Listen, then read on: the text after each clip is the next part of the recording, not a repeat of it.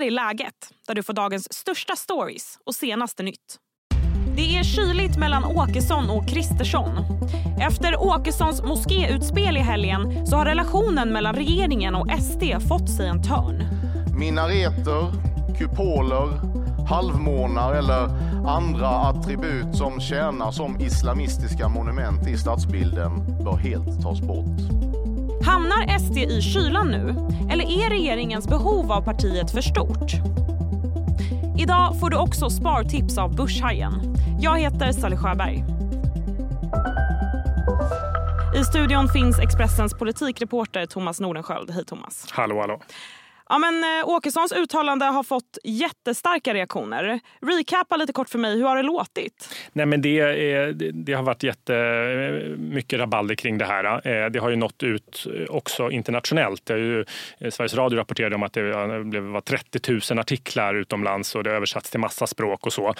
så att det, och det har upprört även i Sverige och delvis skapat förväntad kritik, men den har också varit ovanligt hård och kommit från ja, men terrorexperter som Magnus Ranstorp har ju sagt att det här ökar hotnivån mot Sverige. Eh, så att eh, ändå rätt uppseendeväckande eh, skulle jag säga. Och Du skrev i Expressen igår också att det här uttalandet skapat en spricka mellan regeringen och SD. Hur besvärande är det här uttalandet för eh, statsminister Kristersson? Jo, nej, men det är rätt besvärligt skulle jag säga. Eh, och det som visar att det är besvärligt är att Ulf Kristersson också den här gången har gått ut väldigt tydligt och tagit avstånd. Och det är någonting som han vanligtvis inte gör. Alltså han har som princip att han inte vill hålla på och kommentera saker som Åkesson gör. För det här är inte första gången Åkesson säger något spetsigt och något som uppfattas som grovt och sådär. Men, eh, och jag som reporter har ju frågat massa gånger, så här, men vill ni säga, hör av sig till Moderaterna, man hör av sig Ulf Kristerssons folk, ska inte han säga någonting om det här? Nej, det vill de inte, för de vill inte hamna i ett läge där han ständigt ska kommentera vad Åkesson säger och gör. Men nu gjorde han det. Och det handlar ju om att de på allvar är oroade över det här säkerhetshotet, höjda terrorhotnivån som man tror att det spär på eh, eh, och bilden av Sverige utomlands i muslimska länder. Så Kristersson är hårt pressad av det här? Ja, men alltså, Moderaterna är ju överhuvudtaget ganska hårt pressade just nu. Alltså, när de gick in i det här tidsamarbetet så trodde ju många att det skulle vara liksom nyckeln till att eh, trycka tillbaka Sverigedemokraternas siffror. Om något var man lite oroad i Moderaterna för att oj, Sverigedemokraterna kanske kommer få massa problem med opinionen nu och hur kommer det påverka? Då kanske de börjar bråka ännu mer. Men så har det inte blivit. Det är Moderaterna och regeringspartierna som har problem. Sverigedemokraterna går ju som tåget. Eh, så att det här sker i, i, liksom, ett läge där Moderaterna är nere, långt ner eh, och Sverigedemokraterna Sverigedemokraterna hela tiden flyttar fram sina positioner genom den här typen av uttalanden. Eh, ja, men för någon månad sedan så skulle han vara ute i en intervju som jag gjorde med Jimmie Åkesson och eh, pratade om att rycka bort medborgarskap och det satte verkligen agendan i debatten. Eh, och eh, Ulf Kristersson och Moderaterna tvingas hela tiden ändå förhålla sig. Det är som att liksom, Jimmie Åkesson passar fram bollar som Moderaterna måste liksom spela på. Eh, så. Och Frågan är ju nu vad Kristersson ska göra, hur han ska hantera hela den här situationen. Det ska jag fråga dig Thomas, men först så blir det en kort nyhetsuppdatering. Idag inleddes FNs stora klimatmöte COP28 i Dubai. På 13 dagar så ska världen försöka enas om hur klimatförändringarna ska stoppas. Och mycket står på spel. 2023 ser nämligen ut att bli det varmaste året någonsin med flera värmerekord. Bara minuter innan tidsfristen skulle gå ut så kom beskedet. Vapenvilan i Gaza förlängs. Den tillfälliga stridspausen gäller under samma villkor som de tidigare. Alltså att Hamas ska släppa 10 personer gisslan i utbyte mot 30 palestinska fångar. Det rapporterar Sky News. Sen vapenvilan inleddes så har gisslan kunnat släppas och hjälptransporter har även kunnat nå Gaza. Ytterligare två personer har nu gripits för inblandning i mordet på 14-åriga Light. Det skriver Aftonbladet. Under onsdagen så häktades en minderårig pojke misstänkt på sannolika skäl för medhjälp till mord. Den andra personen, en 18-årig man, är anhållen för medhjälp till mord. En person är sedan tidigare häktad i ärendet. Hej, Ulf Kristersson här. På många sätt är det en mörk tid vi lever i. Men nu tar vi ett stort steg för att göra Sverige till en tryggare och säkrare plats. Sverige är nu medlem i Nato. En för alla, alla för en. Vi är specialister på det vi gör, precis som du. Därför försäkrar vi på Swedea bara småföretag, som ditt. För oss är små företag alltid större än stora och vår företagsförsäkring anpassar sig helt efter firmans förutsättningar. Gå in på swedea.se företag och jämför själv. Och, och från Jimmy Åkesson själv då och partiets håll, var, varför Går man ut och säger såna här starka uttalanden? Är det taktiskt eller hur ska vi förstå det? Alltså, till att börja med kan man säga att de tycker verkligen så här. Alltså det, det här islamkritiken är liksom central eh, för Sverigedemokraterna. Det måste man ha med sig. Det här liksom, de bottnar verkligen i, i det här. Eh, sen om det är taktiskt eller inte, det får man väl se. Men det man kan säga är att Sverigedemokraterna traditionellt har tjänat på den här laddningen som finns kring partiet. De är liksom rädda för att den ska försvinna nu när de är en del av liksom makten. Det är ju nytt för dem. De har liksom varit i ständig opposition när de är med och bestämmer. Men de vill att liksom laddningen laddningen ska finnas kvar kring dem. Eh, eh, så, så på så sätt kanske det skulle kunna gynna dem. Men eh, det man kan säga är ju att kritiken är hårdare, kommer från delvis annat håll och det gäller ju bland annat det här med att de kan öka terrorhotnivån mot Sverige. Om det gynnar dem, det återstår att se. De har ju också, de är ett så stort parti nu. De har liksom långt, en, bit, en bit över 20 procent i mätningarna. De samlar breda väljargrupper. Det är också delvis ett nytt läge för dem. Det kan ju hända att en del av dem, det är massa gamla moderater och socialdemokrater och andra, inte gillar det här. Och det det också kan göra det är att det kan skrämma väljare och det ser vi också. Att det är liksom, även om det går bra för Sverigedemokraterna just nu, opinionen, så har Moderaterna jätteproblem och de tappar väljare i Stockholm, storstadsväljare, kvinnor som går från Moderaterna och Liberalerna till Socialdemokraterna. Så att även om SD som parti gynnas av det här eh, så kan det missgynna det här Tidösamarbetet och högerblocket som helhet. Och om Sverigedemokraterna även efter nästa val ska vara med och ha en maktställning så måste det här eh, samarbetet som helhet samla minst 50 procent. Och där väcker det här en del frågor om det kan försvåra för det skulle jag säga. Så, så, eh, man har ju talat om Åkesson som statsministerkandidat. Vad gör ett sådant här uttalande att, att det blir svårare eller enklare? Kan man säga Nej, men det är ju jätteirriterat nu i Moderaterna eh, på grund av det här. De är jättestörda av det här verkligen. Och, eh, något som är känsligt för Moderaterna i det här samarbetet är utrikespolitiken. Och nu idag är ju Sverigedemokraterna, de är inget regeringsparti. De samarbetar jättenära med regeringen där Moderaterna och Kristdemokraterna och Liberalerna sitter. Men, och det en, att det har varit viktigt att de inte är ett regeringsparti, det beror delvis på utrikespolitiken eh, som är känslig den, den, liksom, den äger nu regeringen själva. Eh, men ska de då ta steget in i regeringen, vilket ju Sverigedemokraterna kräver, de flesta utgår från att det kommer bli så efter nästa val, om högerblocket får majoritet, då kommer ju Sverigedemokraterna få inflytande över det här. Och det Moderaterna nu säger är att så här, det här visar att de inte är riktigt är mogna, för då, måste man, då kan man inte ta kortsiktiga politiska poäng. Då måste man se till Sveriges säkerhet. Eh, och de flesta är överens om att det här uttalandena, vad man än tycker i sak, inte gagnar Sveriges säkerhet utan snarare spär på hotbilden mot Sverige. Och det, det, det oroar och stör och irriterar Moderaterna jättemycket.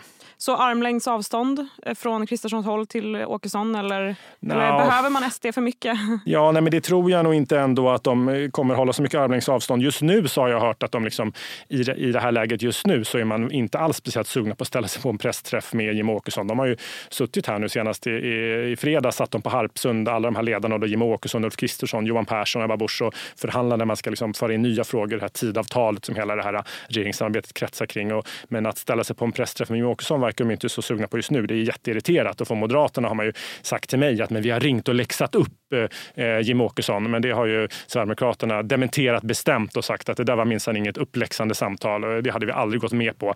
Det är ju hela tiden liksom en, pågår ju en dragkamp här mellan Sverigedemokraterna och Moderaterna om ledarskapet till höger där Sverigedemokraterna alltmer flyttar fram sina positioner. Eh, och där i det här läget då så har Sverigedemokraterna bara pratat om statsministerposten och vi i medierna har också bidragit till de spekulationerna. Men det beror ju på att Sverigedemokraterna växer allt mer. Allt fler utgår från att de ska få sitta med i regeringen. Men jag tror att det mycket handlar om att man vill skaffa sig en, en förhandlingsposition inför nästa val. Eh, man spelar upp det som ett, som ett krav, men jag tror egentligen inte att det är så jättemycket som talar för att Jimmie Åkesson kommer att bli statsminister. Det här ökar laddningen i det här samarbetet eh, och ändå också lite osäkerheten kring nästa steg om Sverigedemokraterna verkligen kommer släppas in eh, i regeringen. Mm. Vi fortsätter följa vad som händer i det här. Tack Thomas. Tack. Och härnäst i läget så blir det spartips. Boendesituationen i Sverige är nämligen så pass kämpig att landets 27-åringar tvingas bo hemma. Hur sätter man bäst upp ett sparande för att kunna köpa en bostad? Sparprofilen Börshajen svarar, men först blir det fler nyheter. Hbtqi-rörelsen förbjuds i Ryssland. Landet klassar den nu som extremistisk och förbjuder den att verka i landet, skriver Reuters. Beslutet togs idag av den ryska högsta domstolen. Förhandlingarna skedde bakom stängda dörrar. Sen tidigare så är det förbjudet i Ryssland att sprida vad landet kallar hbtq-propaganda. Man får inte öppet tala om olika sexuella läggningar och vissa filmer och böcker som skildrar detta får stoppas. Hej, Synoptik här. Hos oss får du hjälp med att ta hand om din ögonhälsa. Med vår synundersökning kan vi upptäcka både synförändringar och tecken på vanliga ögonsjukdomar. Boka tid på synoptik.se. Mer än var fjärde ung upp till 27 år bor fortfarande hemma. Det visar Hyresgästföreningens nya enkät. Svårigheter att få tag i bostäder och dyra hyror ställer till det. Hur bygger man bäst upp ett sparande för att kunna köpa sin första bostad? Jag har med mig Andra Farhad. Du är entreprenör och sparprofil. Mest känd är du kanske som Börshajen. Hej Andra. Hej. Ja, men vad tänker du när du hör det här? 27-åringar som fortfarande bor hemma. Eh, det är ju eh, fruktansvärt eh, att det ska behöva vara så. Vi har ju eh, dels men, priser, bostadspriser som har gått upp väldigt mycket de senaste åren. Så att det är väldigt svårt för unga personer att köpa en bostad. Sen har vi extremt långa bostadsköer så att det är svårt för unga personer att ta sig ut hemifrån. Även om väldigt många vill flytta hemifrån i 20-årsåldern så är det tyvärr inte möjligt idag. Och därför är det väldigt viktigt att börja tänka på det här redan i tidig ålder. Helst skulle man ju vilja ha föräldrar som börjar tänka på det här åt barn som är väldigt små. Mm, mm. Men det har ju inte alla. Och, men som tur är så har ju du lite tips. Tre tips har du kommit med här som vi ska prata om. Mm. Um, för att för underlätta för någon som vill köpa en bostad. Då. Och ditt första tips är att man ska placera pengarna. Berätta. Ja, alltså det är ju eh, så här. Om man ska spara till en kontantinsats och är ung så är det ju oftast ett långsiktigt sparande. Det är inget sparande som man har i ett, två år om inte man kommit upp i åldern. Och all typ av långsiktigt sparande ska ju helst ligga investerat. Framförallt i dessa tider när vi har en hög inflation Ehm, så tappar ju pengar i värde väldigt snabbt. Så att pengar man inte behöver på men, en tre år ska ju helst ligga investerade. Och är man ung, sparar, då får man ju tänka på att så, placera pengarna för att man vill ju åt den här avkastningen över tid. Eh, och eh, är det så att man har mål att köpa lägenhet eh, om ett, två år, ja, men då kanske man ska ha pengarna på ett räntekonto och inte placera dem. Ditt andra tips då, det är att acceptera situationen med att bo hemma. Om man kan. Ja. Var, var, varför ska man eh, göra det? Ja, alltså om, om, om det står mellan att hyra en lägenhet eh, och köpa en lägenhet eh, så ska man ju välja att köpa. Men som vi var inne på, alla kan ju inte köpa en lägenhet. Och att hyra en lägenhet, det är lite så här kasta pengar i sjön. Eh, det är ju bara en kostnad varje månad. Att köpa en lägenhet är ju en investering. Det är ju någonting som går upp i värde över tid. Så att har man inte möjlighet att köpa en lägenhet, då hade jag passat på att bo hemma. För att den bästa tiden att spara, det är när man är ung och bor hemma. För att man har så lite kostnader då. Så att då ska man ju verkligen passa på att bygga den här bufferten som ger en en bra start i livet. Och det tredje tips handlar också om att man ska inte tänka för stort på en gång. Man ska inte börja kanske spara till drömlägenheten på, utan börja smått. Ja, för det viktigaste är ju att komma in på bostadsmarknaden. Det är väldigt många unga som har väldigt höga ambitioner och vill flytta in eh, någonstans centralt direkt. Och det är jättebra att man har den ambitionen men man ska nog inte låta lägenhetsköpet hänga på den här stora kontantinsatsen som man behöver spara till. För att det är dyrt att bo centralt och de priserna är oftast de som också går upp mest. Eh, så att man ska prioritera att komma in på bostadsmarknaden och det kanske betyder att man till en början inte bor centralt utan man bor en bit ifrån. Och då tycker jag att det är viktigt att komma ihåg att det viktigaste är inte vart man bor utan att man äger sin bostad. Eh, och då kan det vara värt att köpa någonting bara för att komma in på bostadsmarknaden och sen successivt över tid jobba sig inåt. Mm.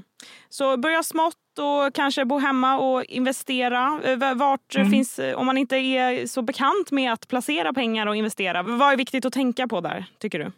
Ja, men det viktigaste att tänka på, framförallt i dessa tider när marknaden och börsen är så skakig, det är ju att vara riskmedveten att eh, försöka att inte eh, ta allt för mycket risk, att inte vara för kortsiktig, att inte låna pengar för att investera eh, och kanske försöka inte låna pengar till en kontantinsats. För nu när räntan är så hög så blir det en otroligt stor kostnad att sitta med massa lån.